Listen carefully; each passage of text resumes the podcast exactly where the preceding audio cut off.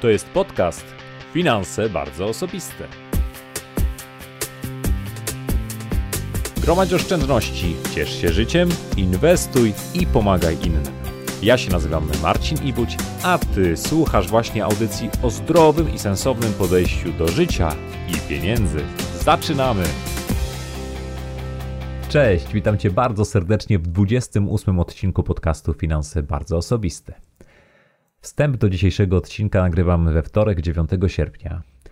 Jest pełnia lata, więc powinna być piękna pogoda, błękitne niebo, wspaniałe słońce, a tu kicha, nic z tego. Szaro i leje deszcz. Do tego moje dzieci od tygodnia są na obozie, więc w domu jest cicho jak makiem zasiał, co ma oczywiście sporo plusów, tylko że tak jakoś pusto i smutno.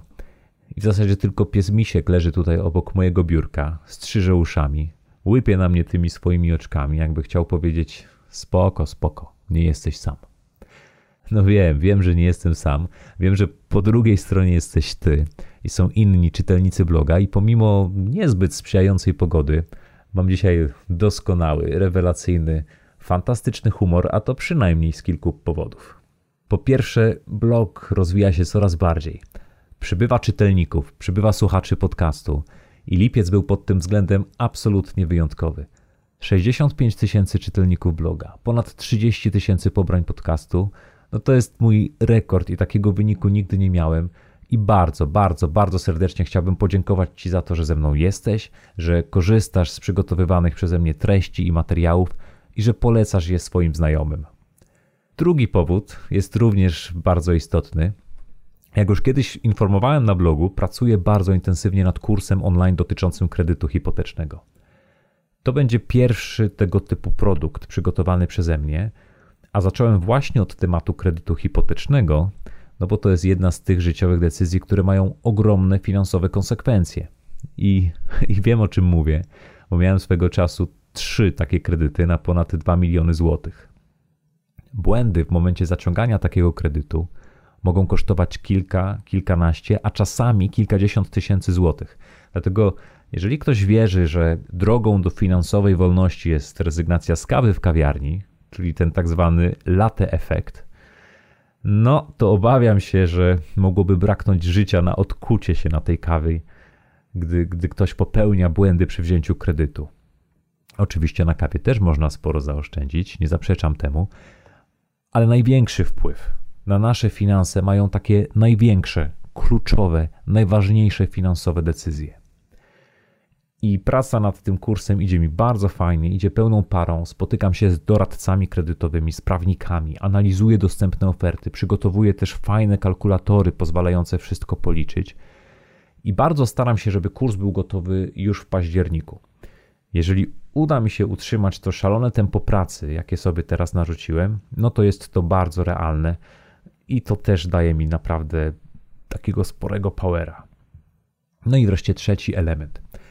E, to jest coś, co wprowadza mnie naprawdę w wyśmienity nastrój. To jest ta świadomość, że moja praca pozwala mi poznawać wspaniałych ludzi, rozwijać relacje z niezwykle inspirującymi i bardzo wartościowymi osobami. W naszym dzisiejszym świecie, takim pełnym narzekania, marudzenia, kwękania, że życie jest ciężkie, że się nie da, cały czas spotykam kolejne osoby, które udowadniają, że jednak się da że kiedy masz marzenie, kiedy masz odwagę, żeby je zrealizować, kiedy jesteś gotowy włożyć w to ciężką pracę, no to osiągniesz naprawdę wiele. Taką osobą bez wątpienia jest mój dzisiejszy gość. To Michał Szafrański, autor bloga Jak oszczędzać pieniądze i książki Finansowy Ninja. Cztery lata temu Michał dla większości był osobą anonimową, ale dzięki świetnemu planowi, ogromnej pracowitości, przemyślanemu działaniu znakomicie pokazuje, jak wiele może dokonać jedna osoba. Michał zdradza nam dzisiaj, jak doprowadził do sytuacji, w której jego blog czyta ponad 200 tysięcy osób miesięcznie, a przygotowywane przez niego produkty edukacyjne rozchodzą się jak ciepłe bułeczki. Ale poznacie też dzisiaj Michała z nieco innej strony. Usłyszycie, czy jest coś, czego żałuje. Usłyszycie, jakie popełnił błędy – a także jakie są jego marzenia i wreszcie do czego tak naprawdę dąży w życiu. Zapraszam Was bardzo serdecznie do wysłuchania naszej rozmowy i do wyciągnięcia z niej tego, co pomoże Wam w osiągnięciu własnych sukcesów.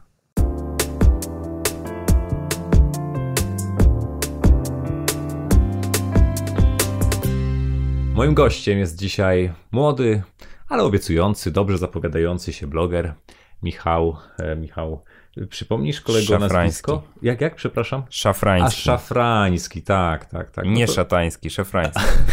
to opowiedz nam, opowiedz nam w kilku słowach o sobie. Eee, takich rzeczy nie robi się w podcastach, nie? zawsze to robimy, zawsze zadajemy naszym gościom takie pytanie. Nie, ja mówiłem o tym moim. Eee, no to cóż, jestem blogerem, jak sam powiedziałeś, blogerem finansowym, podobnie jak ty. Prowadzę blog jakoszczędzaćpieniądze.pl.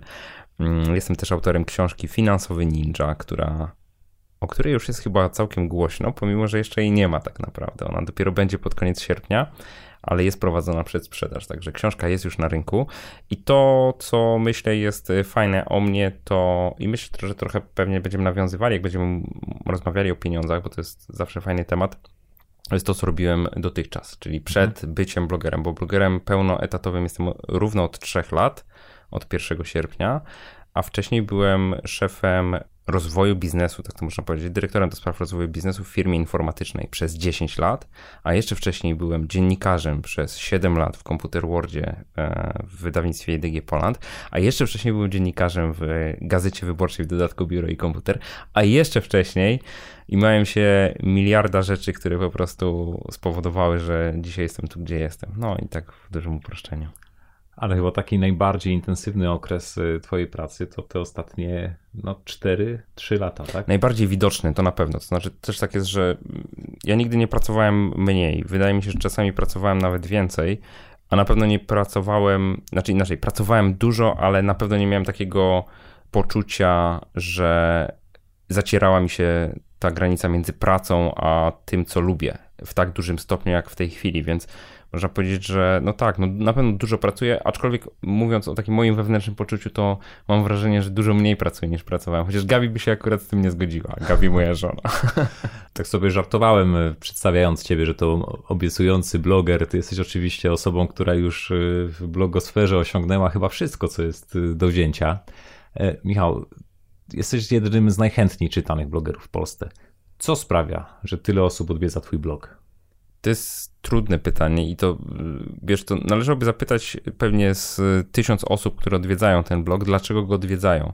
To, co mi się wydaje, nie wiem, czy moja ocena jest prawidłowa, ale wydaje mi się, że po prostu przychodzą po merytoryczne treści. To jest taki pierwszy czynnik, wydaje mi się najważniejszy. Przynajmniej ja bardzo dużo uwagi przykładam do tego, żeby rzeczywiście tak było, że to, co piszę, e, jest, z, można powiedzieć, z jednej strony sprawdzone, z drugiej strony konkretne, z trzeciej strony przydatne. E, I myślę, że to jest taki klucz, y, który jeżeli ktoś stosuje, to pewnie będzie czytany, o tak bym mhm. powiedział. Ale, Ale do się, tego blogów z wartościowymi merytorycznych jest, jest też dużo. sporo. Ja się bardzo cieszę, że ich jest coraz więcej, ale y, drugi aspekt, który jest istotny, to jest również to, w jaki sposób ja y, marketuję to, co robię. Aha. I tu zastosowałem taki klucz, że po prostu w dosyć szczery sposób pokazywałem, kim jestem i jak to u mnie wygląda od kuchni. Pokazywałem przez długi czas, pokazywałem na blogu całe nasze finanse, przychody, zarobki, e, ale też, znaczy zaczynałem od kosztów, a później pokazywałem również zarobki z działalności blogowej. I myślę, że to jest też coś takiego, co taka transparentność, to jest coś takiego, co kupuje innych, bo my lubimy, ja tak mam przynajmniej, że lubię wiedzieć, kto jest po drugiej stronie. Czy to jest taka osoba jak ja, czy to jest ktoś, kto jest y, do mnie podobny albo ma podobny system wartości, w jakiś sposób y, y, czy, czy, mogę się z nią identyfikować, czy nie. Jeżeli nie, no to po prostu idę gdzie indziej, szukam, szukam takich osób, które do mnie pasują, nie? Więc myślę, że bardzo dużo musiałem dać na tacy, w sensie takim, że pokazać bardzo dużo tej mojej kuchni, mm, tego jak to u nas od środka wygląda i dzięki temu też przyciągnąłem całkiem sporą liczbę osób, które no, chcą wiedzieć, po pierwsze, jak się sprawnie finansowo poruszać w, w tej dzisiejszej rzeczywistości, ale z drugiej strony też chcą usłyszeć o tym właśnie ode mnie, a nie gdzieś indziej. Nie? Um, Ty bardzo no. często w, i w swoich podcastach, i gdzieś na blogu pokazujesz taką bardzo ciekawą proporcję, że tak naprawdę 40% sukcesu to jest treść, 60% to jest dobry, przemyślany marketing. I to nie jest przypadek, że faktycznie no, masz ten dar. W jaki sposób przyciągasz tych ludzi? W czym tkwi tajemnica? Pu, pu, pu. Te, te, te proporcje się zmieniają w czasie. To też tak jest, że to, co, że to, to, co kiedyś mówiłem na ten temat, to teraz wygląda trochę inaczej, dlatego że teraz dużo mniej energii przeznaczam na marketing tych treści, które są na, na blogu. Wręcz nawet z niektórych działań zrezygnowałem, na przykład nie republikuję już informacji o starych wpisach. Trochę to wynika z braku czasu, też tak jest, że próbowałem się posiłkować pomocą innych osób w tym zakresie, ale powiedzmy sobie, rezultaty są takie umiarkowane, więc w związku z tym nie da się tak całkowicie w tej naszej działalności blogowej mhm. E, oderwać od tworzenia treści, a również tworzeniem treści jest to, co my piszemy w mediach społecznościowych. To też Jasne. jest tworzenie treści. Nie da się tego scedować na kogoś innego. Znaczy, ja myślałem, że się da, ale dochodzę do wniosku, że się nie, nie da. da. A z drugiej strony, jakby to, wy... każda taka działalność wymaga bardzo dużo czasu, czyli pochłania czas. W związku z tym, no sorry, czas jest skończony, gdzieś trzeba z czegoś zrezygnować, coś trzeba wyciąć. I ja jak dzisiaj się zastanawiam nad tym, co mógłbym wyciąć, to niestety media społecznościowe mi wypadają jako taki, e, jako takie coś, co, nad czym i tak nie mam kontroli za szczególnie. Znaczy te treści mogę tam publikować, ale one bardzo szybko znikają, gdzieś tam się przewijają w czeluściach tych Facebooków i innych mediów. E, wyszukać się ich dobrze nie da. W związku z tym pytanie, czy to nie jest tak, że to jest takie działanie z mojej strony, z mojej strony trochę bezproduktywne, w sensie takim, że owszem, coś tam generuje, ale i tak tego za chwilę nie będzie. Na blogu pozostanie, prawda? Także to tutaj blog jest tą moją fortecą, moją twierdzą, gdzie tam to wszystko, co chcę, e, to po prostu jest i, i, i nie ginie. Powtórz pytanie, bo zapomniałem, jak Bunterara. Zacząłem gadać. Nie no, pytałem pytałeś o, czym, nie, wiem, pytałeś o czym, ten sekret. Tak, tak, w czym tkwi ten sekret. Wydaje mi się, że on tkwi w mm, całym moim dotychczasowym doświadczeniu zbieranym na różnych polach. I mhm. to, jest, y, to jest coś takiego, co o czym się często zapomina. Właśnie, bo ty się... łączysz i te swoje doświadczenia dziennikarskie, prawda, i, tak. i te informatyczne. Nie jesteś osobą... Ja skończyłem też studia w e, kierunku Public Relations, więc to też ma pewne znaczenie. Nigdy nie pracowałem w tym zawodzie, ale poszedłem na studia z wyboru, akurat na ten kierunek z wyboru, bo ja już byłem dziennikarzem i po prostu zależało mi na tym, żeby zobaczyć, jak ten świat wygląda od tej drugiej strony barykady, tak? Czytaj, w jaki sposób trafia się do dziennikarzy, w jaki sposób próbuje się ich owinąć wokół palca i tak dalej, i tak dalej, więc to jest y, myślę, bardzo dużo takich doświadczeń mam też praktycznych, że w firmie, w której poprzednio pracowałem, pomagałem tej firmie również w zakresie chociażby zdobywania cennych nagród, międzynarodowych nagród za jakieś tam projekty, które realizowaliśmy. Uczyłem się, jak te projekty pokazywać w taki sposób, żeby one były interesujące dla tych, którzy będą je oceniać i tak dalej, i tak dalej. Więc można powiedzieć, taki life hacking e, zaawansowany w obszarze komunikacji e, stosowałem przez swoje życie i bardzo dużo mi, y, znaczy takie wnioski, do których ja doszedłem, to że no, długofalowo nie da się kłamać. To znaczy, nawet jeżeli gdzieś coś przekoloryzujemy, to prędzej czy później to wyjdzie. W związku z tym bardzo łatwo było mi, jak już zacząłem tą działalność blogową, żeby po prostu pokazywać rzeczywistość taką, jaka ona jest z mojego punktu widzenia. Czasami jest tak, że ja na przykład jawnie różne rzeczy komunikuję, zupełnie no wszystko na dłoni, a ktoś tam szuka drugiego i trzeciego dna, którego tam po prostu nie ma, nie? E, ale bardzo trudno jest, myślę, w, w polskiej rzeczywistości w szczególności uwierzyć w to, że jakby można podawać e, zupełnie szczerze pewne informacje, jakby nie zastanawiając się nad tym, czy, czy, czy coś tam ukryć, czegoś nie ukryć i tak dalej, więc yy, myślę, że yy, dołożyłbym ten czynnik takiej, yy, mówiłem o tej transparentności, ale też takiej szczerości, ale nie tylko w stosunku do audytorium swojego, tylko też w stosunku do siebie samego, czyli że mówię i puszczam w świat to, co jakby jest, y, czego bym sam oczekiwał od świata trochę. Czyli ja owszem, różne informacje filtruję, ale tak wewnętrznie filtruję. To nie to, że ukrywam informacje, tylko po prostu wypuszczam informacje w taki sposób, żeby e, ona nikogo nie krzywdziła, e, żeby była dla tych osób, które ją odbierają, nie tylko przydatna, ale też przyjemna do konsumpcji. I myślę, że to jest jakiś taki miks, który pozwala mi gromadzić wokół siebie osoby, które no, akceptują mnie takim, jakim jestem po prostu, nie? Na swoim blogu poruszasz e, bardzo ważny temat. Mądre dbanie o własne finanse. A jak popatrzymy sobie na ranking Press Service top 100 polskich blogów, no to trzy najpopularniejsze blogi finansowe razem wzięte, czyli twój, Maćka Samcika i mój, cieszą się mniejszym zainteresowaniem niż jeden blog modowy.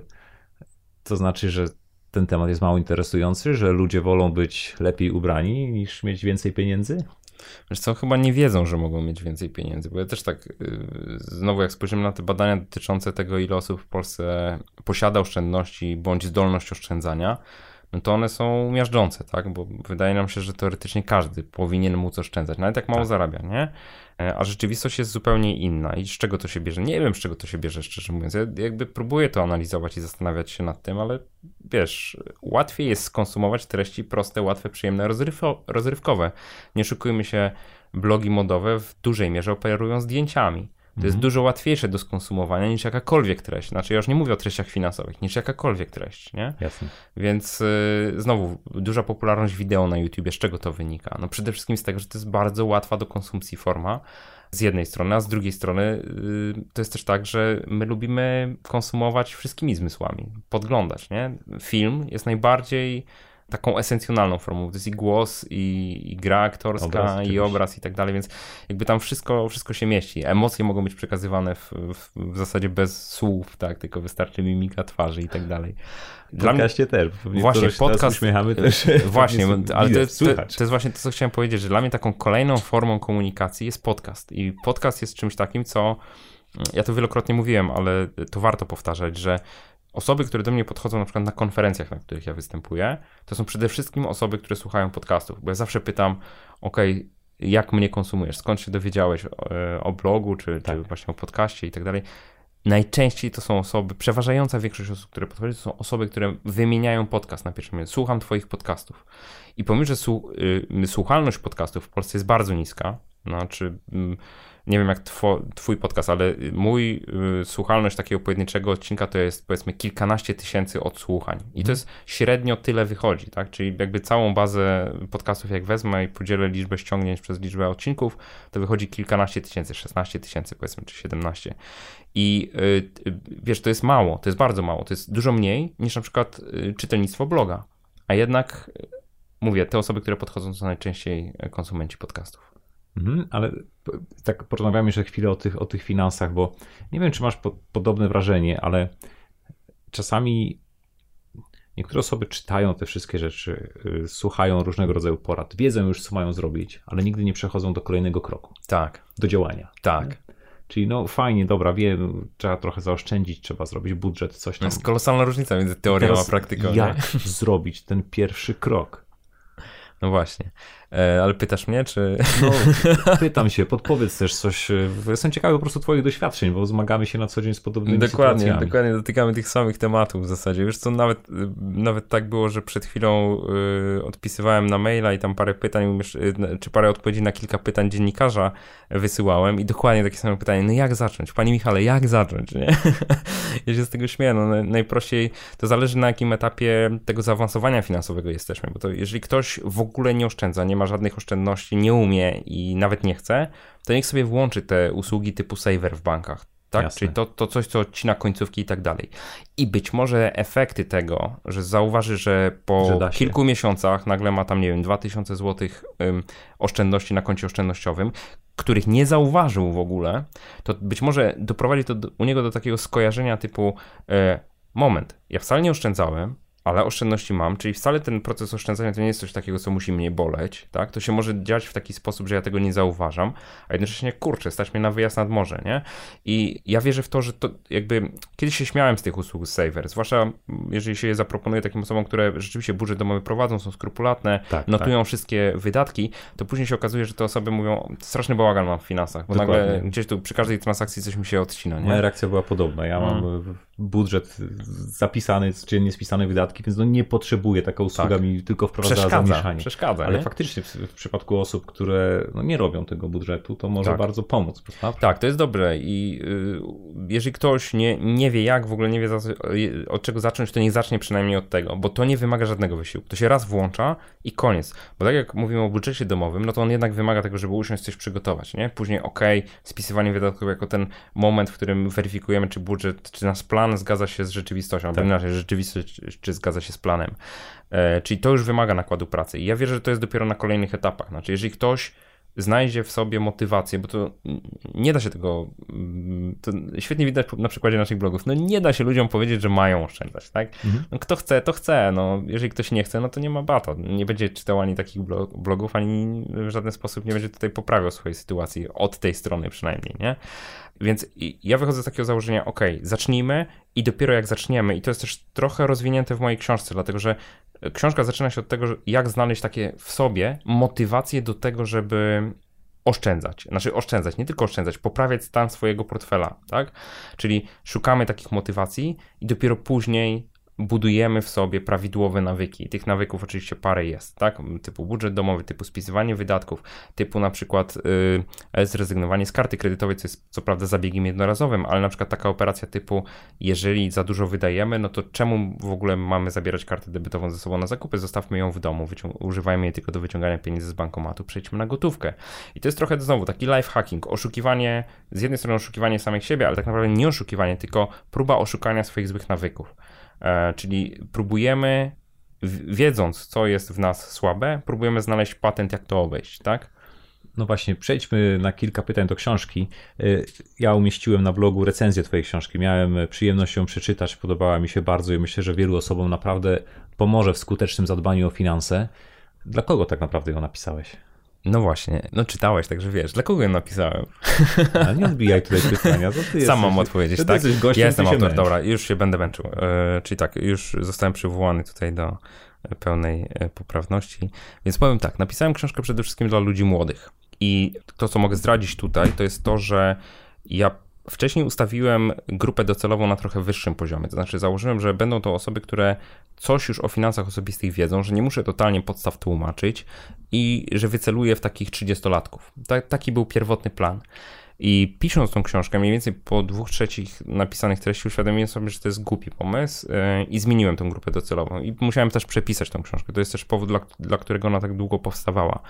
Dlatego, że uznałem, że jeżeli to ma być taki fundament finansów osobistych, to muszę założyć, że osoba, która sięgnie po tę książkę, nie wie dokładnie nic na ten temat. Czyli muszę zacząć totalnie od początku. I oczywiście w miarę jak, tak, jak tą książkę się czyta, to ja tam poruszam, przechodzę przez wszystkie obszary, które uważam za istotne, czyli oszczędzanie, zarabianie, optymalizację podatkową, inwestowanie, te cztery kluczowe obszary, ale zanim w ogóle do nich dojdziemy, do, do konkretnych e, taktyk, nazwijmy to, które w, są w tych rozdziałach opisane, to właśnie zaczynam od tego, ok, dlaczego w ogóle miałbyś oszczędzać? Dlaczego miałbyś wprowadzać jakiekolwiek zmiany w swoim życiu, czemu to służy, tak? I teraz znowu nie sugeruję gotowych rozwiązań, pomagam znaleźć takie motywacje poprzez odpowiedni proces, który jest w książce opisany, pomagam znaleźć takie motywacje e, w, e, u tych osób, które tą książkę będą czytać.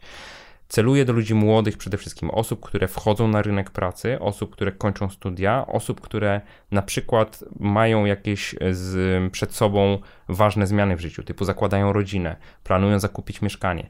Czyli można powiedzieć, zaczyna się to od dzisiejszych nastolatków, a kończy gdzieś y, y, na trzydziestolatkach tematyka tej książki. Czyli to trafiasz jest... do osób, które są z jednej strony najbardziej bezbronne, bo tej wiedzy nie mają i nie tak. miały możliwości wyniesienia jej. Wcześniej. Jeszcze nie miały szansy zdobyć doświadczenia na guzach. Ja bym chciał im tego oszczędzić. Z drugiej strony właśnie są tuż przed podjęciem decyzji, które potencjalnie mogą ich bardzo drogo kosztować. Dokładnie tak. To co z lektury tej książki wyniesie osoba, która ją przeczyta? E, myślę, że będzie przede wszystkim potrafiła ułożyć sobie jakiś plan działania, e, bez względu na to, gdzie się dzisiaj znajduje. To też tak jest, że pomimo, że książka jest dla, dla do ludzi yy, młodych adresowana, yy, to tam jest bardzo dużo też wskazówek dla takich osób, które no niestety przespały ten moment, czyli powiedzmy są w latach 40., 50. swoich, czyli ta perspektywa do emerytury jest bardzo, bardzo króciutka, można tak. powiedzieć. Tak. Niewiele będą w stanie istotnie e, zmienić, albo inaczej, być może wiele będą w stanie w swoim życiu zmienić, ale nie da to tak dobrych efektów, jak w przypadku osób, które odpowiednio długi horyzont mają jeszcze do, e, do momentu przejścia na emeryturę. Ja wierzę w to, że książka pozwoli zrozumieć, że my jesteśmy razem z naszymi pieniędzmi, które zarabiamy, że my jesteśmy bardzo cennym łupem dla wszystkich, którzy nasze pieniądze polują. Pomoże zrozumieć trochę mechanizmów, które, e, czy, czy, czy praktyk, które są stosowane przez nierzetelnych doradców finansowych. Nie twierdzę absolutnie, że wszyscy są nierzetelni czy nieuczciwi, absolutnie tak nie mówię, ale niestety odsetek e, tych, którzy po prostu walczą o swoją prowizję, a niekoniecznie walczą o interes klienta, jest też bardzo duży w branży finansowej, w branży ubezpieczeniowej. Trzeba o tym pamiętać, więc pokazuje to, pokazuje jak e, funkcjonują różne produkty finansowe, w szczególności te, które potencjalnie są dla nas najbardziej takie brzemienne w skutki negatywne, czyli właśnie kredyty hipoteczne w szczególności. Pokazuje w jaki sposób również negocjować wynagrodzenie, w jaki sposób negocjować z mm, chociażby z deweloperami y, koszty zakupu mieszkania. E, I to, jest, to są takie powiedziałbym, narzędzia i taktyki, które pomagają nam po prostu mieć więcej w portfelu. Czyli ten efekt taki, który jest pożądany, to jest taki, że ktoś, kto przeczyta tę książkę, powie: OK, czuję się pewniej, wiem z grubsza, co mam robić, w którą stronę się poruszać i z jakich narzędzi korzystać, żeby po prostu mieć więcej w portfelu. A najlepszy efekt, jaki może być, to jest, że ta osoba potrafi długofalowo siebie w czasie zaplanować, czyli potrafi określić z grubsza moment, w którym by chciała przejść na emeryturę uświadamia sobie, ile pieniędzy będzie wtedy potrzebowała i wie, co ma zrobić, żeby do, do tego momentu po prostu doprowadzić w taki sposób, że rzeczywiście stać ją na godną emeryturę. Jako człowiek, który pasjonuje się finansami i bardzo lubi ten temat, jako ktoś, kto tę książkę przeczytał, mogę Wam ją naprawdę w ciemno polecić. Uważam, że bardzo cenna, bardzo fajna i wartościowa lektura. Ale porozmawiajmy teraz miód jeszcze na więcej. serce lejesz, miód na serce lejesz. Tak uważam. Ale porozmawiamy jeszcze trochę więcej o tobie. E, tytuł książki Finansowy Ninja. Mhm. Czy, czy ty, tak na co dzień, jesteś takim finansowym ninja? Chyba, chyba mogę o sobie powiedzieć, że tak. Znaczy w tej chwili, y, tak jak ja pokazuję pewną drogę, która w założeniu ona nigdy nie, nie prowadzi do, ona nie ma końca, tak? Znaczy całe życie się rozwijamy i to też jest y, to też jest y, istotne i warte podkreślenia, że ja, ja mogę siebie powiedzmy uważać za takiego finansowego ninja, bo wydaje mi się, że coś tam w życiu osiągnąłem od strony finansowej, ale pewnie osoby, które osiągnęły dużo, dużo więcej, mogą na mnie patrzeć jak na takiego, wiesz, raczkującego dzieciaka, który dopiero jest na początku swojej drogi, czyli to wszystko zależy, punkt widzenia zależy od punktu siedzenia. Zawsze nie? znajdziesz gorszych i lepszych od siebie. Tak, tak, to prawda. Y, ważne, żeby się też y, nie porównywać z innymi. Ja wiem, jakie ja mam cele, wiem, co to jest, powiedzmy, stan bezpieczeństwa finansowego pożądany przeze mnie, jaki on konkretnie wiem w liczbach, jak on wygląda. I wydaje mi się, że jestem na bardzo, bardzo dobrej drodze, żeby do tego momentu e, po prostu dojść. I to w niedługiej perspektywie. No dobra, to sam prowokujesz do takich pytań. To jakie masz cele?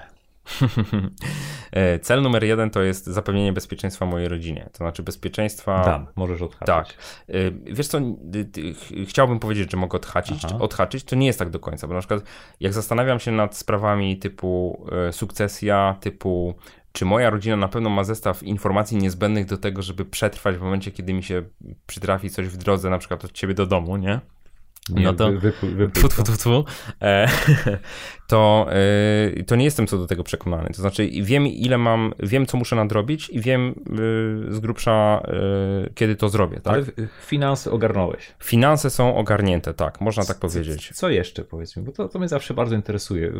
Ja wiem, ja wiem. Sytuacji. Daj się poznać też trochę z tej takiej innej strony. Dobra, to widzisz, ja jestem, ja jestem z tych osób, które są domatorami y, i tak się, tak się czasami nawet śmieję, znając to, to co ty robisz i widząc tą twoją, ten twój bucket list, czyli tą listę tak. rzeczy. Chyba tam kiedyś publikowałeś, mam wrażenie, coś takiego, co tam chcesz jeszcze w tak, życiu zrealizować. do rzeczy do przed śmiercią, 100 tak. do odwiedzenia przed śmiercią. Ja no właśnie. Uwielbiam podróże, no właśnie. się zawsze śmiejemy, Więc wiesz, mi się ta lista, mi się ta lista yy, miejsc do odwiedzenia, to ona się tam kończy pewnie na pięciu punktach może, nie? I, też, I też raczej reprezentuje takie podejście. Jestem po świeżych przeprawach po prostu z lotem, który poleciałem do Londynu i z powrotem i po prostu to była dla mnie masakra, bo ja po pierwsze nienawidzę latać samolotami, boję Sponsorem się Sponsorem dzisiejszego odcinka podcastu są polskie linie lotnicze. Tak, tak, tylko chyba antyreklamę im zrobię niestety, nie? Więc y, generalnie y, lot z przygodami w obydwie strony, łącznie z jednodniowym opóźnieniem w przypadku wracania i dla mnie to jest trauma. Znaczy ja, ja się, mówię tylko o tym dlatego, że po prostu Aha. ja się pieruńsko boję latać, w związku z tym w, sam, to jest jakby mój wybór, sam sobie w zasadzie zamknąłem podróże wyłącznie do, do Europy. Czyli podróże odpadają. Ta, podróże nie odpadają, tylko muszę dojechać samochodem albo pociągiem, tak? Czyli okay. to, to jest jakby, czyli powiedzmy dalekie podróże odpadają. Aczkolwiek jest tam Japonia, gdzieś na, na, na mhm. liście takich miejsc, które bym chciał odwiedzić, aczkolwiek planu na to konkretnego nie ma. Może to się wydarzy, może nie, a może w jedną stronę. No nie wiadomo, zobaczymy. Żartuję trochę oczywiście, ale dam temu pomysłowi dojrzeć. Plany na czas taki najbliższy i najważniejszy to jest to, żeby pobyć z rodziną i to mówię zupełnie poważnie, bo to jest y, obszar, który ja mam pioruńsko zaniedbany i w zasadzie Gabi otrzymała taką obietnicę, że książka dokończę teraz e, promocję książki i w zasadzie koniec, tak? Czyli jakby e, skupiamy się na tym, co ważne. Więc mówiąc o marzeniach jakichś wielkich, dużych, innych, nie? No wiesz, też mówiłem o tym gdzieś tam już w wielu miejscach, że Tesla fajnie by było posiadać, Aha. ale znowu dla mnie to jest y, coś, co mogę mieć w każdej chwili posiadać. Jakieś ja słyszałem, jak powiedziałeś, że chciałbyś Tesla sprowadzać do Polski. E, to, nie wiem, to ktoś mi to włożył w usta, pamiętam, bo to było coś takiego, że e, ja, ja y, rzeczywiście wspominałem o tym i może mi się to nawet uda. Pewnie jak będę to wystarczająco dużo powtarzał w wielu podcastach, to być może się uda. To Więc, się zgłosi. E, tak, to się być może Tesla zgłosi, ale pomysł był taki, żeby po prostu coś zrobić z Teslą. W sensie jakiś fajny projekt zrobić z Teslą. Nie, nie wiem, kiedy będą wchodzili do Polski, no zobaczymy. A że ja mam takie takie podejście do tych moich projektów, że jak sobie coś ubzduram, że chcę zrobić, y, to zazwyczaj to robię po prostu, no to nie traktuję tego w kategoriach y, rzeczy niemożliwych. No to jest jak najbardziej możliwe. To jest kwestia tego, żeby odpowiedni wysiłek w to włożyć, nie? I teraz zobacz, znowu, to jest tak, mówiłem o tych celach moich i przyszedłem znowu do celów związanych z pracą. I to trochę tak się uśmiecham. Trochę to tak wiesz, jest. Trochę każdy, to tak jest. Każdy sukces, każdy sukces ma swoją cenę. Ma. Każdy sukces ma. ma swoją cenę. Nie ma co kryć. Trzeba po prostu poświęcić czas, energię i, i, i, i pójść w jedną konkretną stronę. Czy na tej twojej drodze do sukcesu jest coś, co zrobiłbyś inaczej? To jest bardzo dobre pytanie. Wiesz, nawet jeżeli mam świadomość dzisiaj, że mógłbym coś zrobić inaczej, to myślę, że idąc drugi raz tą drogą, pewnie popełniłbym te same błędy. To też tak jest. Znaczy, dla jasności, niczego nie żałuję, co się wydarzyło, poza tym, że y, y, byłem pracocholikiem i za mało czasu spędzałem z rodziną. To jest jedyna rzecz, której żałuję. I teraz, gdybym mógł to zrobić jeszcze raz, to pewnie bym jakoś inaczej to swoje życie zorganizował. Ale to jest tak, to jest mocne teoretyzowanie, dlatego że nie sądzę, że gdybym od początku szedł tą drogą, to coś innego, coś inaczej bym zrobił. Znaczy w tym sensie, że ja jestem takim człowiekiem, który po prostu sobie te guzy po drodze nabija i trochę to robię z, z, z taką świadomością. Ja się często ładuję w różne sytuacje, które są takie, nazwijmy to, mm, nie chcę powiedzieć pionierskie, bo to nie, nie znaczy, że ja przecieram szlaki, no są pionierskie dla mnie, nie? E, I zawsze staram się, głupio brzmi, zawsze staram się być mądrzejszy od innych, chciałem powiedzieć, nie? E, ale, ale śmiało, ale trochę, rozmawiamy bardzo szczerze. Ja wiem, to, ale to, trochę to tak jest, że ja jakby, Jasne. jeżeli widzę, że pięć osób idzie jakąś tam drogą, to mówię, nie, nie, na pewno istnieje inna droga i chcę jej spróbować. Znaczy, chcę mieć przynajmniej tą satysfakcję, że nie dość, że zrobiłem coś dobrze, to zrobiłem po swojemu. E, co jest, co powoduje czasami, że wiesz, jakby wynajdujemy koło na nowo, ale znowu, wynajdujemy to koło na nowo po swojemu i te doświadczenia, które po drodze zbieramy, e, też mam takie podejście do życia, że uważam, że to się prędzej czy później w życiu przydaje. Czyli to, że na przykład kiedyś wydarzyło mi się coś złego, nie? na przykład ktoś mnie na czymś przekręcił i tak dalej, i tak dalej, uważam, że to i tak dobrze, że wydarzyło się to wtedy, a nie na przykład 10 lat później tak? Bo dzięki temu zebrałem jakiś zestaw doświadczeń, który pomaga mi być może inne rzeczy, nawet podświadomie, realizować lepiej, albo działać inaczej, albo być bardziej wyczulonym na coś i tak dalej, i tak dalej, nie? Więc yy, wracając, co bym zrobił inaczej, tak? Tak brzmią pytania. Męczę cię trochę, nie? To są, wiesz co, podoba mi się kierunek, w którym idzie ta rozmowa, bo to są inne pytania niż zwykle Nie, to, ale, to, ale to bardzo dobrze, bo się mogę nareszcie rozgadać. I cieszę się, że wreszcie również moi słuchacze, moi czytelnicy mogą cię poznać e, z innej strony, nie? No, bardzo dobrze Marcin, dawaj dalej. No to co z tymi błędami? Z błędami, czyli, ty, czekaj, błędy, błędy, błędy. Nie, no nic na e, siłę, Michał. Nie, bo wiesz co, próbuję, nie chcę rzucać jakimiś banałami, a próbuję znaleźć coś takiego, powiem co... Ci dlaczego... Powiem ci, dlaczego powiem ci kuloodporność. Kuloodporność, to bo jakby, i to myślę, że to jest coś takiego, co, co warto powiedzieć, bo ja przez długi czas uważałem, że, że jestem kuloodporny, nie? Czyli, że mogę robić wszystko i na szczęście nie było tak, że sypnęło mi się zdrowie, w taki sposób typu, wiesz, tam zawał czy cokolwiek tak. innego. To na szczęście niczego takiego nie miałem. Miałem ten jakby porządny strzał, bo połamałem um, obie nogi tam w 2007 roku pod koniec. E, złamałem obydwie nogi na snowboardzie, po prostu wykonując jakiś taki skok, który był za długi i zbyt wysoki, nie? nie ustałem lądowania i po prostu mnie tam podbijało od stoku i złamałem obydwie nogi, pisałem o tym na blogu i to był taki moment, który na tyle mną e, szarpnął, takie wydarzenie, które na tyle mną szarpnęło, a w zasadzie to, co się wydarzyło potem, bo pół roku nie chodziłem, e, operacje na obydwie nogi i tak dalej, i tak dalej, więc jakby od nowa musiałem uczyć się chodzić, nie? Jednocześnie wyłączyć się całkowicie z cyklu pracy, bo to też tak było. Właśnie, co, byłeś wtedy jakoś zdołowany, miałeś... Byłem totalnie zdołowany, znaczy było tak, że E, ja byłem w sytuacja, mówię, też opisywałem to na blogu, myślę, że fajnie będzie jak zalinkujemy do tego wpisu, bo on jest taki bardzo jak szczery, mhm. bardzo szczery i sytuacja wyglądała w taki sposób, że na zewnątrz byłem e, bardzo pogodny, w sensie takim, przybrałem taką pozę, nie? że nic się nie stało, fafarafa, taki chojrak i tak dalej. Czyli na zewnątrz, na zewnątrz nadal byłem kuloodporny, można powiedzieć, ale w środku wrak po prostu. Dlatego, że był taki moment, kiedy lekarz mi powiedział wprost, że nie wiadomo, czy ja będę chodził e, w pełni sprawnie, czy nie. Na szczęście tak mnie poskładali, że jest wszystko w porządku, znaczy chodzę, biegam i tak dalej. E, kolosalne pieniądze to kosztowało swoją drogą, to tak a propos e, tego, żeby... o własne finanse. Dbania o własne finanse i, i taką poduszkę finansową, bo cały proces to były dwie operacje na dwóch nogach wykonywane, plus e, rehabilitacje roczne praktycznie. No i całość kosztowała około 60 tysięcy złotych, które wyłożyłem z własnej kieszeni. To też trzeba powiedzieć, dlatego że nie było żadnej gwarancji, że publiczna służba zdrowia doprowadzi mnie do stanu używalności, tak? Także po prostu poszedłem do najlepszej kliniki w tamtym czasie w, w Polsce, która po prostu e, komercyjnie taką operację zrealizowała.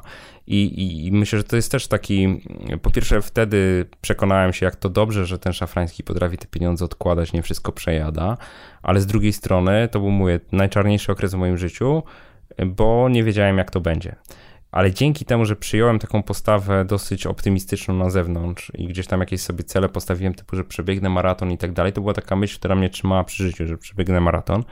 No i taką techniką małych kroków, pytając rehabilitantkę dosłownie na każdych rehabilitacjach, kiedy będę mógł zacząć biegać, kiedy będę mógł zacząć biegać, ona mówi, ty jeszcze nie chodzisz. Ale dobra, ale kiedy będę, znaczy co, co muszę zrobić, żeby móc zacząć biegać, nie? Mhm. To taką techniką gdzieś tam sam siebie wyprowadziłem, można powiedzieć trochę autoterapią, nie? ale też było tak, że wystartowałem w maratonie później, dwa lata później i nie przebiegłem tego maratonu, co spowodowało jakiś tam kolejny zjazd, nie? Ja, dla jasności, ja nie jestem osoba, która jest depresyjna, czy coś w tym stylu. Nie uważałem, że mam depresję, nie, żadnych y, leków nie przyjmowałem i tak dalej. Niemniej jednak, no ciemno tam było w środku, no taka prawda. Wiesz, cieszę się, że opowiadasz też o takich rzeczach, bo dla takiego obserwatora z zewnątrz Michał Szafrański to jest cyborg, nie? ciągle zapracowany, zajęty, realizujący kolejny projekt, tryskający energią, optymizmem. Miewasz też czasem trudniejsze dni? Miewam, miewam. I to też tak jest, że znaczy dzisiaj naprawdę największy, największa frustracja moja mną to jest to, że pracuję za dużo i mówię to śmiertelnie poważnie, i nie za specjalnie widzę sposób na wyjście z tego. To znaczy, owszem, z grubsza wiem, no nie, nie, jestem głupi, tak, jestem inteligentnym człowiekiem, mam wrażenie, więc jakby z grubsza potrafię sobie wyobrazić, co, co, co można zmienić i tak dalej, ale jednak to jest, to jest trochę jak nauk, no, to jest tak, że człowiek, nie chcę powiedzieć, że jestem uzależniony od adrenaliny, ale trochę tak jest, że gdzieś tam w blasku fleszy lubię być, ego mile połechtane zawsze i tak mhm. dalej. Pomimo, że staram się być, y, jakby chodzić twardo po ziemi, no to jednak y, fajne są takie momenty, kiedy wiesz, wychodzisz na konferencji, 2000 osób cię słucha, i generalnie wszystko jest w miłej atmosferze. No to jednak czuję się te pozytywne widać, emocje. Widać, naprawdę to lubisz, bo aż no, teraz. No. I, I teraz, ale czy to, to jest koszt i to też trzeba powiedzieć, że to jest olbrzymi koszt, bo y, żeby robić dobrze to, co się lubi i chce się robić dobrze, no to po prostu na to trzeba przeznaczyć czas. I ten czas, no niestety, jego jest za mało na to, żeby zrobić wszystko, no po prostu. Michał, a jak wygląda taki twój typowy dzień? Jest w ogóle coś takiego jak jest, typowy dzień? Było, było, ale się posypało przez e, pisanie książki, dlatego że pisanie książki to też taki proces, który jest e, jakby nie da się go zaplanować stuprocentowo, bo mówię, ja mam tak, że po prostu czasami siadałem, pisałem trzy strony przez cały dzień, może nie, ale powiedzmy do połowy dnia napisałem trzy strony, a czasami po prostu siadałem i pisałem 20, tak, za jednym zamachem, więc... Albo jest wena, albo jej nie ma, tak? To, tak, tylko z tą weną to też tak jest, że wenie trzeba stworzyć szansę na to, żeby była, czyli trzeba mm, jakby być gotowym do pracy wtedy, kiedy ona się pojawia, bo czasami jest tak, że na przykład mi, ja mam taki nastrój do pracy czasami, no ale tam wiadomo, usiądę sobie, tutaj sobie popatrzę na Face'a, tu sprawdzę wiadomości, tutaj tam to, siam to, wam, to i za chwilę tej weny nie ma. Więc u mnie taki typowy dzień wcześniej wyglądał w taki sposób, że wstawałem bardzo, znowu, bardzo się to w czasie zmienia. Był taki okres, kiedy wstawałem rzeczywiście 5.30 na przykład i starałem się to utrzymywać. To był taki okres. W tej chwili jest tak, że wstaję wtedy, kiedy się wyśpię. To jest zazwyczaj wstaję koło 7, powiedzmy 8 maksymalnie. Trochę można powiedzieć, że teraz mam okres odpoczynkowy po książce. I staram się pracować, też o tym wielokrotnie mówiłem, staram się tak, pracować w taki sposób standardowo, że poczty nie włączam, Face'a nie włączam i pracuję, przynajmniej do południa, czyli ten, ten okres od 9 do 12 powiedzmy. Jeżeli wcześniej wstawałem, to w ogóle jeżeli spojrzycie na przykład na listę moich zadań w Nozbi, to ja mam takie sekcje tam sobie porobiłem na każdy dzień, że mam przed, rano przed śniadaniem i rano po śniadaniu, tak? Czyli, a dopiero później jest tam po południu i tak dalej. Więc generalnie ym, ym, praca przed śniadaniem i tuż po śniadaniu to jest ta praca, kiedy ja wykonuję najważniejsze dla mnie rzeczy, nie? I to jest tak, że jak mam dobry dzień i wcześniej rano wstanę, to jestem w stanie wykonać naprawdę większość roboty do godziny dziewiątej i wtedy już reszta to już jest bonus, nie? Ale prawda jest też taka, że przez ostatnie pięć miesięcy tak mi się pioruńsko nawarstwiło, nawarstwiły zadania, bo autentycznie siedziałem wyłącznie nad książką, byłem skupiony tylko nad książką, y, że no w tej chwili muszę od nowa ułożyć sobie cykl pracy, taki, który byłby e, dobry, efektywny, wydajny. Jednej rzeczy nie udało mi się zrobić. To jest coś, co myślę warto powiedzieć. E, niektórzy pracują w takim schemacie, że mają dzień podzielony na e, konkretne, znaczy inaczej, tydzień podzielony na konkretne dni, że w konkretne dni pracują i mhm. wykonują konkretne zadania, na przykład grupują spotkania na czwartek, nagrywanie podcastów na przykład też na jakiś konkretny dzień tygodnia i tak dalej mi się nie udało do tego nigdy doprowadzić. To nie jest mój schemat pracy i to, to, też chcę powiedzieć, że raczej do tego nie będę dążył, dlatego że nie wierzę, że potrafię być efektywny w, e, przy takim podzieleniu tygodnia.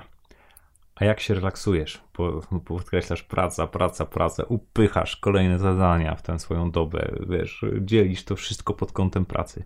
Zostawmy pracę Michała Szafrańskiego co nam zostaje i jak to wygląda. No, to są, y, to są różne rzeczy, niestety większość związanych z komputerem i to jest ten problem, że tak, że Counter, Counter Strike również, tak, to jest y, w zasadzie jedyna gra, w którą ja gram, to jest Counter Strike. Jest taka drużyna na Twitterze, Twitter Strike się nazywa. E, zrobiliśmy taki, taki team, który spotyka się codziennie o 21. A więc ja nie gram codziennie, dla jasności. Myślę, że nie grałem Pewnie z tydzień już nie grałem, e, ale wcześniej były takie okresy, że przy pisaniu książki no praktycznie tylko kilka razy usiadłem do grania w Counter-Strike'a na przestrzeni kilku miesięcy, więc to nie jest tak, że ja gram dużo. Ja gram raczej mało, aczkolwiek to rzeczywiście jest coś, co mnie totalnie odstresowuje i odmurza, odrywa, e, kompletnie odrywa, dlatego że jak już gram, to 100% jestem w grze. Tak, słuchawki na uszach, rozmowa z drużyną, idealny, idealny czas taki, na taki pełny, totalny relaks ja się nie relaksuję w gruncie rzeczy. Znaczy, dla mnie relaksem y, jest w tej chwili, nagrywamy wakacje, więc no wiadomo, że za chwilę gdzieś tam wyjadę, przed chwilą gdzieś tam byliśmy. Razem z rodziną, jeżeli wyjeżdżam i jesteśmy gdzieś poza miastem, to jest cudownie po prostu. Znaczy, w sensie to jest, y, mamy taki dom, który wynajmujemy od y, znaczy nie my mamy, tylko wynajmujemy od kogoś po prostu taki dom w Istebnej, że policzyliśmy w tym roku, że już dziesiąty rok tam jeździmy, nie? Także mm, my, znowu wracając do tego podróżowania, my jesteśmy takimi osobami, które po prostu lubią piosenki, które już raz słyszały, nie? Czyli jak, jak gdzieś byliśmy, nam się podobało, to w zasadzie tam jeździmy. Co roku jeździmy do Juraty, praktycznie co roku od kilku lat jeździmy do południowej Francji, i to są takie, mówię, okresy, kiedy ja rzeczywiście się relaksuję, tak? Bo robię coś. Tylko znowu, jak już wyjeżdżamy, to też jestem taką osobą, która raczej jeździ. Nie jestem stacjonarnie w jednym miejscu, mhm, tylko cały czas się, się przemieszczamy, tak. Także to są takie okresy, kiedy ja rzeczywiście odpoczywam. I ja odpoczywam też, jak czytam książki. Czyli mm, dla mnie, wiesz, wzięcie Kindla do ręki, czy, czy nawet papierowej książki, to jest to jest odpoczynek. Ale czytasz 100 sposobów na to, jak zwiększyć trafik na blogu, 300 nie, nie, na sprzedaż znaczy, czytam... czy czytasz też jakąś beletrystykę, nie, fikcję literacką? Właśnie ja, znaczy ja czytam wyłącznie poradniki, nie czytam w ogóle beletrystyki, nie czuję znaczy, gdzieś ktoś zapytał ostatnio, udzieliłem takiej odpowiedzi, dlaczego nie czytam beletrystyki, odpowiedziałem, że moje życie jest wystarczająco ciekawe, że ja nie muszę beletrystyki już pochłaniać. Dostarcza mi wystarczająco dużo wrażeń, a z kolei ja lubię się dowiadywać nowych rzeczy, więc dla mnie mm, czytanie poradników, czytanie biografii to jest to, co mi po prostu rzeczywiście zaspokaja mój głód na, na, na wiedzę po prostu. Michał, a jeszcze na chwilę y, chciałbym wrócić do tematu książki, bo wydałeś ją bardzo nietypowy sposób. Wydałeś ją w tak zwanym modelu self-publish. Mówiąc krótko, sam zadbałeś o cały proces od początku do końca. W przeciwieństwie do ciebie, dla jasności. Ale wydawaliśmy książkę w innych okolicznościach. Pracowałem wtedy na etacie i potrzebowałem po prostu wizytówki, a no, nie mogłem pozwolić, żeby te moje wspaniałe pomysły się kisiły tylko w mojej głowie. Ale opowiedz o tym, o tym self-publish, na czym to polega?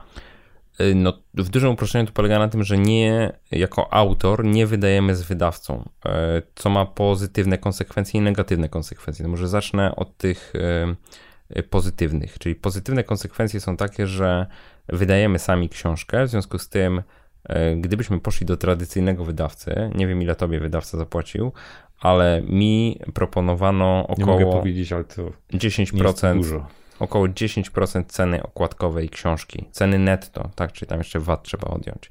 Różne są te, różne są te wynagrodzenia, generalnie one raczej nie przekraczają tych 10%, tak, czyli ja znam takie przypadki osób, które nie wiedząc jakie te warunki są, podpisały umowę z wydawcą i zarobi, zarobiły całe 3% e, z ceny okładkowej książki, co jest e, żenująco niskim wynagrodzeniem dla autora.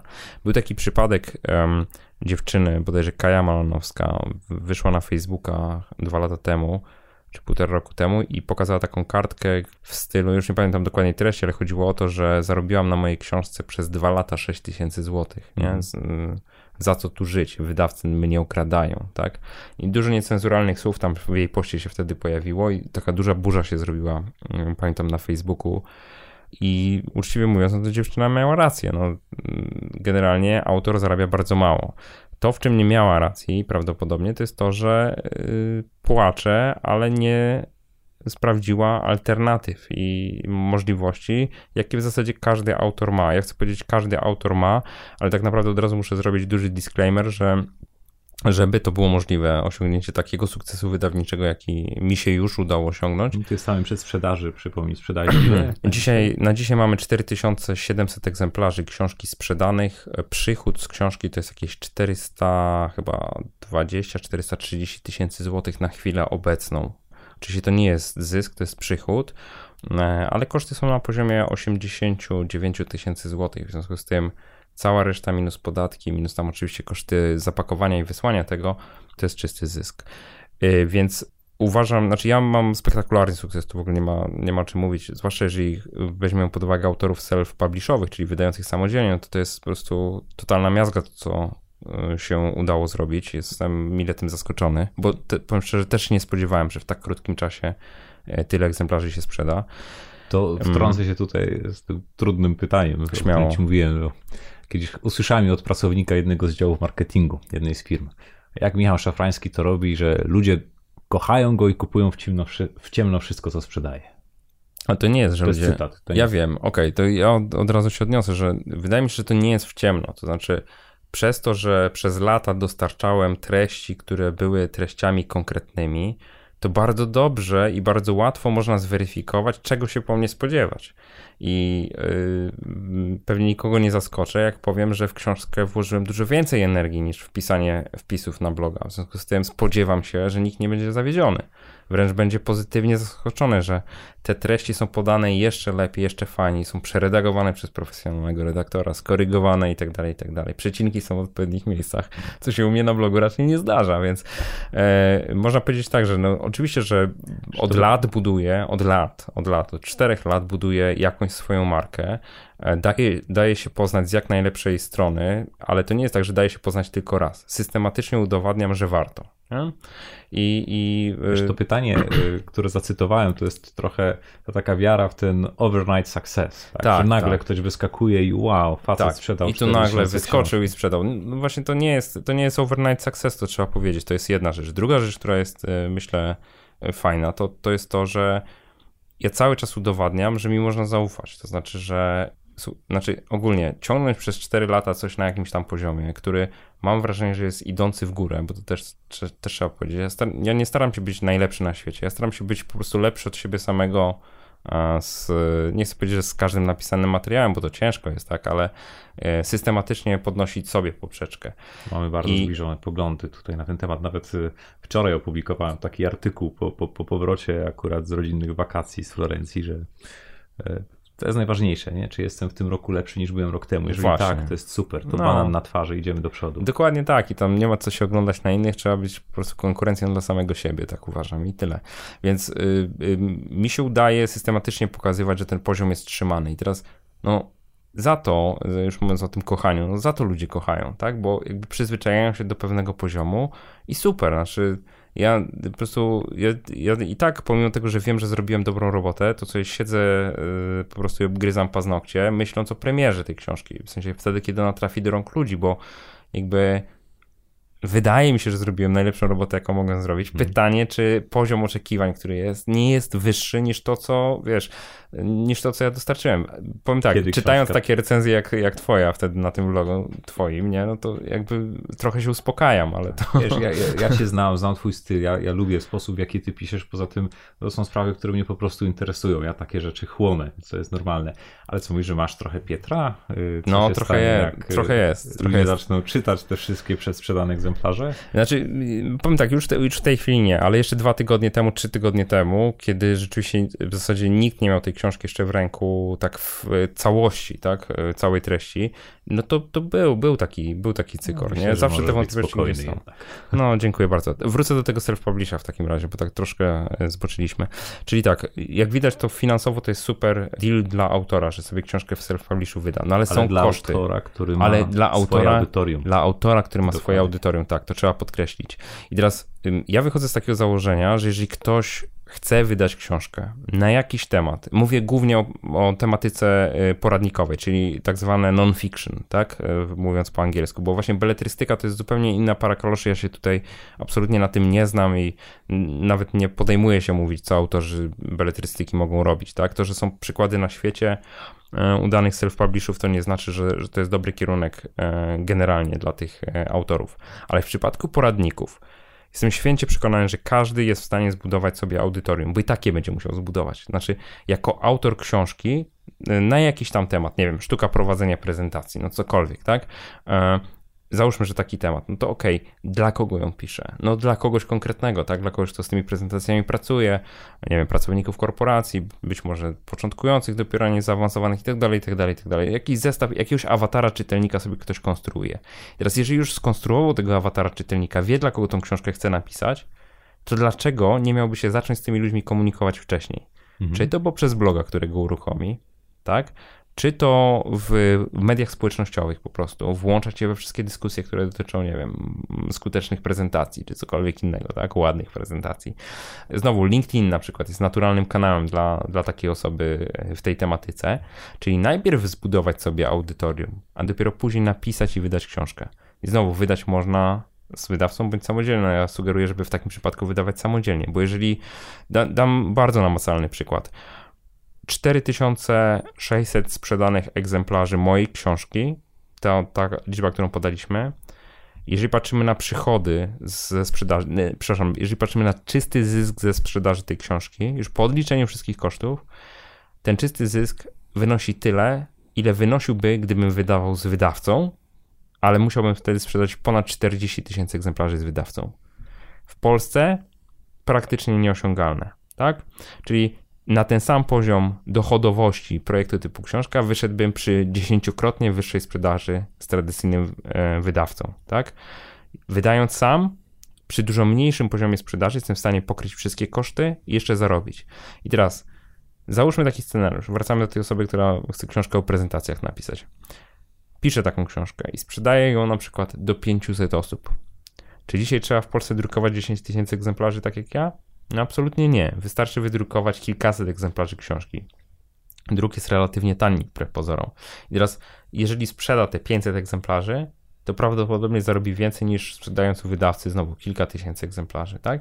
Być może nie będą to duże pieniądze nominalnie, tak? Ale chodzi o to, że nie dołoży do tego biznesu. A znowu książka, tak jak w Twoim przypadku, książka może być świetną wizytówką tak? Czyli dajemy się poznać jako ekspert w zakresie prowadzenia czy przygotowywania świetnych prezentacji. Być może za chwilę zaraz firmę zrobimy, która e, w, z tym tematem ma coś wspólnego, tak?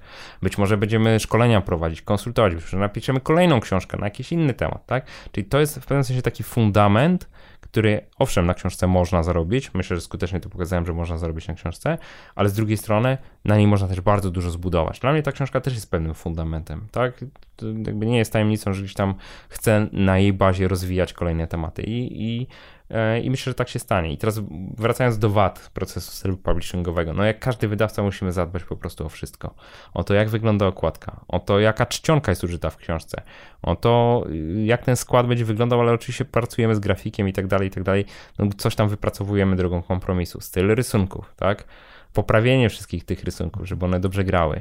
Tych 80 kilku tysiącach złotych, o których mówiłeś, jaka część to jest koszt samego druku? 50. A jaka przygotowania? Już ci mówię.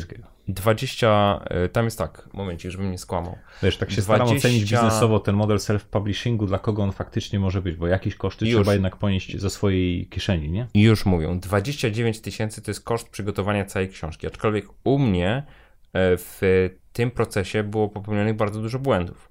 Dlatego że ja skład realizowałem w zasadzie, można powiedzieć, półtora raza, dlatego że e, realizowała mi skład jedna osoba, z którą no generalnie nie do końca mi te projekty jej się podobały, plus e, powiedzmy nie tak dobrze się dogadywaliśmy, jakbyśmy się mogli Jasne. dogadywać. Podjąłem brutalną decyzję, że jednak e, zmieniam, tak, i poszedłem do kogoś innego ale oczywiście pieniądze musiałem zapłacić tam za część e, prac, nie? Więc y, efektywnie po prostu kilka tysięcy złotych poszło w plecy, tak? Mhm. Druga rzecz, te osoby, które uczestniczyły w e, spotkaniach Yop Live Tour, widziały, że ja promowałem książkę takim logo małego ninjasa z e, tytułem Jak zostać finansowym ninja. I to logo było zamówione, ono też kosztowało. Już nie pamiętam w tej chwili dokładnie ile, ale powiedzmy, że około 2000 zł kosztowało z odkupieniem praw autorskich i tak dalej.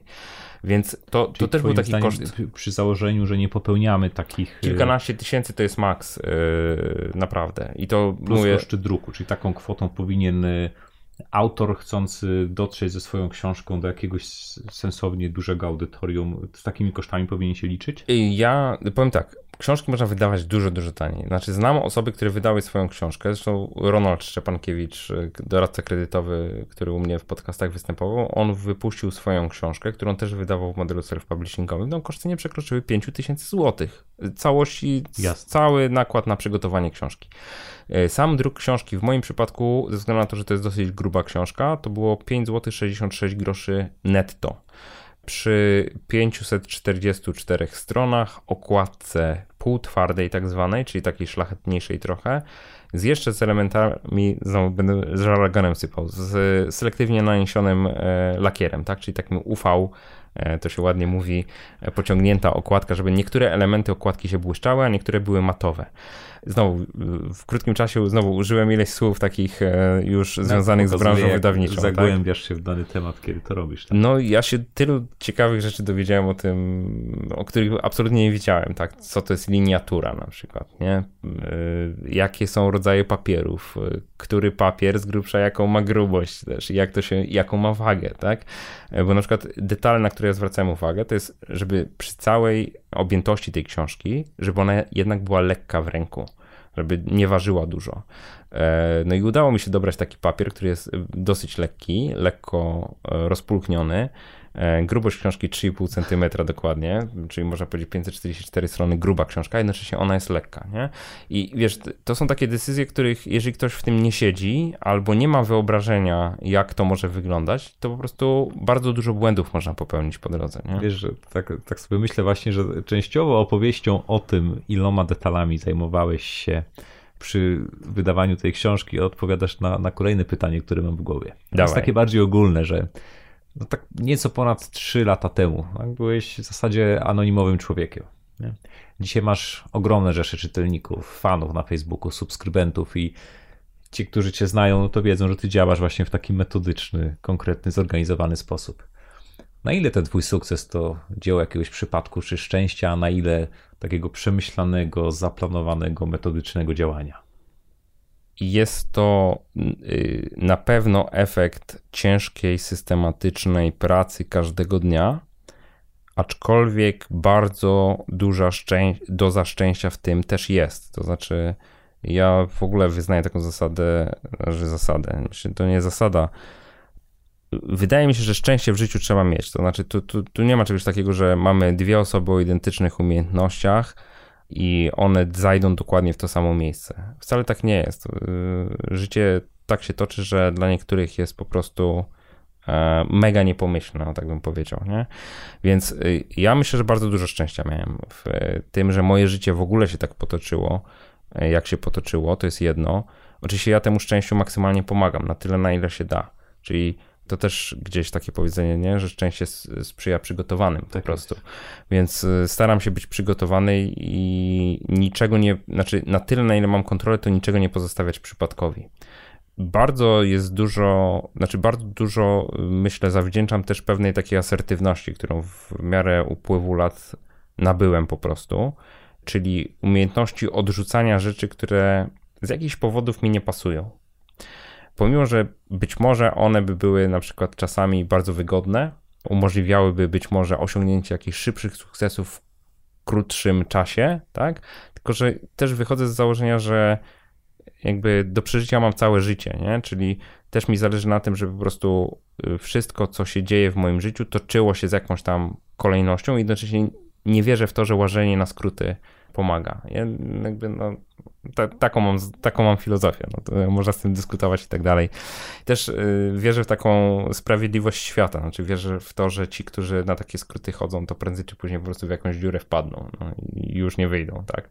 Więc nawet jeżeli ktoś gdzieś wokół po prostu działa w taki sposób, że, że, mówisz, załamujesz ręce i mówisz, Boże drogi, po prostu to jest niemożliwe, że ja jestem taki tutaj wiesz, uporządkowany, krok po kroku, uczciwie i tak dalej, i tak dalej, i tak dalej, a tutaj tacy goście po prostu takie przekręty robią i są bezkarni, nie? Prawda jest taka, że, no wiesz, woził wilk razy kilka, ponieśli wilka, prędzej czy no, później też trafi. swoją cenę, nie? trafi, trafi prędzej czy później pewnie na większego cwaniaka, więc ja jakby staram się nie być takim cwaniakiem życiowym. To myślę, że możliwość spojrzenia sobie w oczy rano przed tak. lustrem tak. i, i bycie dumnym z tego, co się robi i, i poczucie, że robi się to w sposób uczciwy, to jest też jednak bezcenne. Ale wrócę jeszcze do tej asertywności, bo nie dokończyłem myśli, a chcę, a chcę to powiedzieć, że y, często y, mówi się, że faceci intuicji nie mają generalnie, nie? Ale jest coś takiego, że zapala nam się żółta lampka w różnych mhm. sytuacjach życiowych i ja w takich sytuacjach zazwyczaj wolę odpuścić. To znaczy, jeżeli mam jakąkolwiek wątpliwość, to mówię sobie, ok, będzie inna okazja. Czyli odpuszczam po prostu. Czyli y, nie dotyczy to przedsięwzięć biznesowych i tak dalej, tylko na przykład różnych propozycji, które się pojawiają, które mogły być fajne i tak dalej, ale jakby nie są do końca zgodne z tym, co ja robię dziś. Nie? Czyli jest to gdzieś obok mojej, mojej działalności. Odpuszczam, po prostu odpuszczam. Odpuszczam też dlatego, że nie wiem, jakie są konsekwencje tego, co zrobię, na przykład na kolejne lata. I czasami jest też tak, że na przykład. Yy, no, bardzo konkretny przykład podam, tak? Teoretycznie w każdej chwili mógłbym mieć jako partnera jeden z banków dla mojego bloga, nie?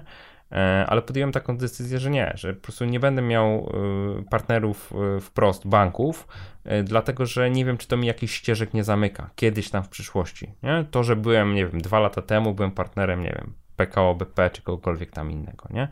Więc jakby staram się po prostu ucinać to.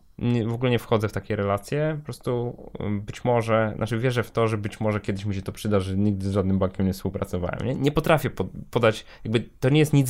Teraz wracając do tego, że wszystko mam zaplanowane. Mhm. To są rzeczy, które nie są zaplanowane. To są rzeczy, które wynikają z jakiejś tam, nazwijmy to, intuicji, przeczucia, e, czy, y, czy takiego pragmatyzmu, bym powiedział, że okej, okay, nie muszę być wszędzie obecny, nie muszę z wszystkimi współpracować, tak? Robię niezbędne minimum do tego, żeby osiągać sukces w tych obszarach, które są dla mnie istotne, tak? Nie muszę się rozdrabniać, nie? I zadowolony jestem z tego, że w miarę y, upływu lat jakby przekonuję się, że takie podejście ma sens rzeczywiście. Że wiesz, nie ma sensu się ścigać też e, z kimkolwiek, nie? Sam jestem dla siebie dyktującym tempo, dosyć surowym, do tego dodam. Tak, to więc, tempo jest. E, więc to tempo też, jest, tempo też jest duże, ale dzięki temu, że nie oglądam się na innych, to wydaje mi się, że też dzięki temu mogę trochę uciekać do przodu. Dlatego, że ja jakby rozwijam się ze swoim własnym tempem. No, akurat się okazuje, że ono jest całkiem niezłe, nie? To jeszcze dwa ostatnie pytania w Dawaj. takim razie. Takie bardziej filozoficzne i naprawdę wybiegające mocno, mocno w przyszłość. Co tak naprawdę chciałbyś osiągnąć w życiu? Do czego dążysz? Michał Szafrański za tam lat 15, 20. Kurczę, wiem, to, jest, to jest. Wiem, że to jest trudne, ale masz, masz, masz jakąś nie, bo to jest tak, wizję? To jest tak, właśnie to jest tak banalne z mojego punktu widzenia. Pierwsza rzecz, chcę doprowadzić do sytuacji, w której jestem totalnie wolny finansowo, tak? Czyli jakby nie muszę pracować zarobkowo. Jasne. Czy będę pracował? Chcę grać przez Oczywiście, rok że będę pracował. Będę sobie grał. Tak? Ale nie. To... Nie, chodzi o możliwość. Tak, chodzi o możliwość, dokładnie tak. Czyli y, powiedzmy, że to jest taki podstawowy cel, bo on y, pozwala y, przynajmniej iluzorycznie sądzić, że będziesz mógł się wtedy skupić na rzeczach, które są dla ciebie naprawdę ważne. Problem jest taki, że ja w zasadzie robię rzeczy, które są dla mnie naprawdę ważne już w tej chwili, więc jakby trudno mi tutaj jakoś odnaleźć się w robieniu czegoś innego, nie? I bym, ktoś, ktoś mi kiedyś powiedział, że ty jesteś Michał człowiekiem bez marzeń i trochę racji miał, w sensie takim, że ja nie mam jakichś wielkich marzeń. Znaczy mi jest dobrze tu, gdzie jestem i to trochę, trochę takie jest, można powiedzieć, że to jest takie płytkie, tak, w sensie takim, że to takie, no, Ue, mógł powiedzieć coś fajnego, nie? Ale, ale naprawdę, naprawdę tak jest I, i mówię, jedyne co mam do poprawienia, to mam do poprawienia to, żeby być w większym stopniu dostępnym dla rodziny, nie? Mhm to czego za tym mogę Ci życzyć? Zdrowia. To, ostatnie zdrowia. Pytanie. Zdrowia, zdrowia Marcin. Myślę, że to jest e, najważniejsze. To znaczy, e, cała, co do reszty, to jestem święcie przekonany, że sobie jakoś tam poradzę, nie? Zdrowie, to jest najważniejsze. To, no to życzę Ci tego zdrowia z Dzięki serca. Życzę Ci również tego dodatkowego czasu dla rodziny, żeby o, się tak. również go gospodarował, wpisał sobie to w nozwi i strzegł tego jak najcenniejszego skarbu. I bardzo serdecznie dziękuję Ci za te wszystkie myśli, którymi się podzieliłeś. Fajnie, że pokazałeś się też z tej takiej mniej cybernetycznej, cyborgowej, cyborgowej, cyborgowej strony. strony. Bardzo Ci za to dziękuję. Dzięki wielkie. Moim gościem był Michał Szafrański, którego myślę nie trzeba Wam tak naprawdę przedstawiać. Dzięki wielkie Marcin za zaproszenie.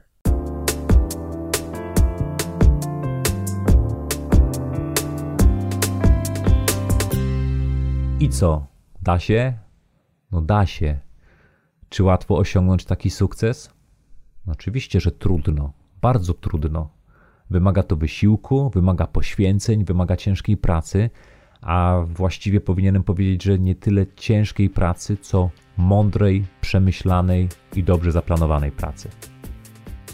Jednym z celów, jakie postawiłem sobie rozpoczynając stworzenie tego podcastu, było inspirowanie Was do ciągłego rozwoju, do wymagania od siebie więcej, do takiego kierowania swoim życiem, żebyście cały czas czuli, że wykorzystujecie swoje ogromne możliwości.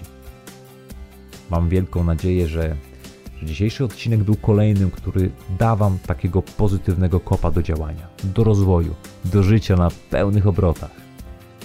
Jeżeli tak jest, to będę Wam bardzo wdzięczny za podzielenie się tym podcastem i informacją o blogu z Waszymi znajomymi. Dzisiaj jesteśmy otoczeni mnóstwem takich negatywnych informacji, którymi bombardują nas tradycyjne media. Dlatego potrzebuję Waszej pomocy, żeby przebić się w tym całym chaosie z pozytywnymi treściami. No dobrze, to, to tyle na dziś, bo czas wyprowadzić miśka. Wygląda na to, że kończy mu się cierpliwość. A po spacerze z powrotem do pracy nad kursem. Dziękuję Wam bardzo serdecznie za czas poświęcony na wysłuchanie tego odcinka. Życzę Wam wspaniałego dnia. Trzymajcie się. Cześć.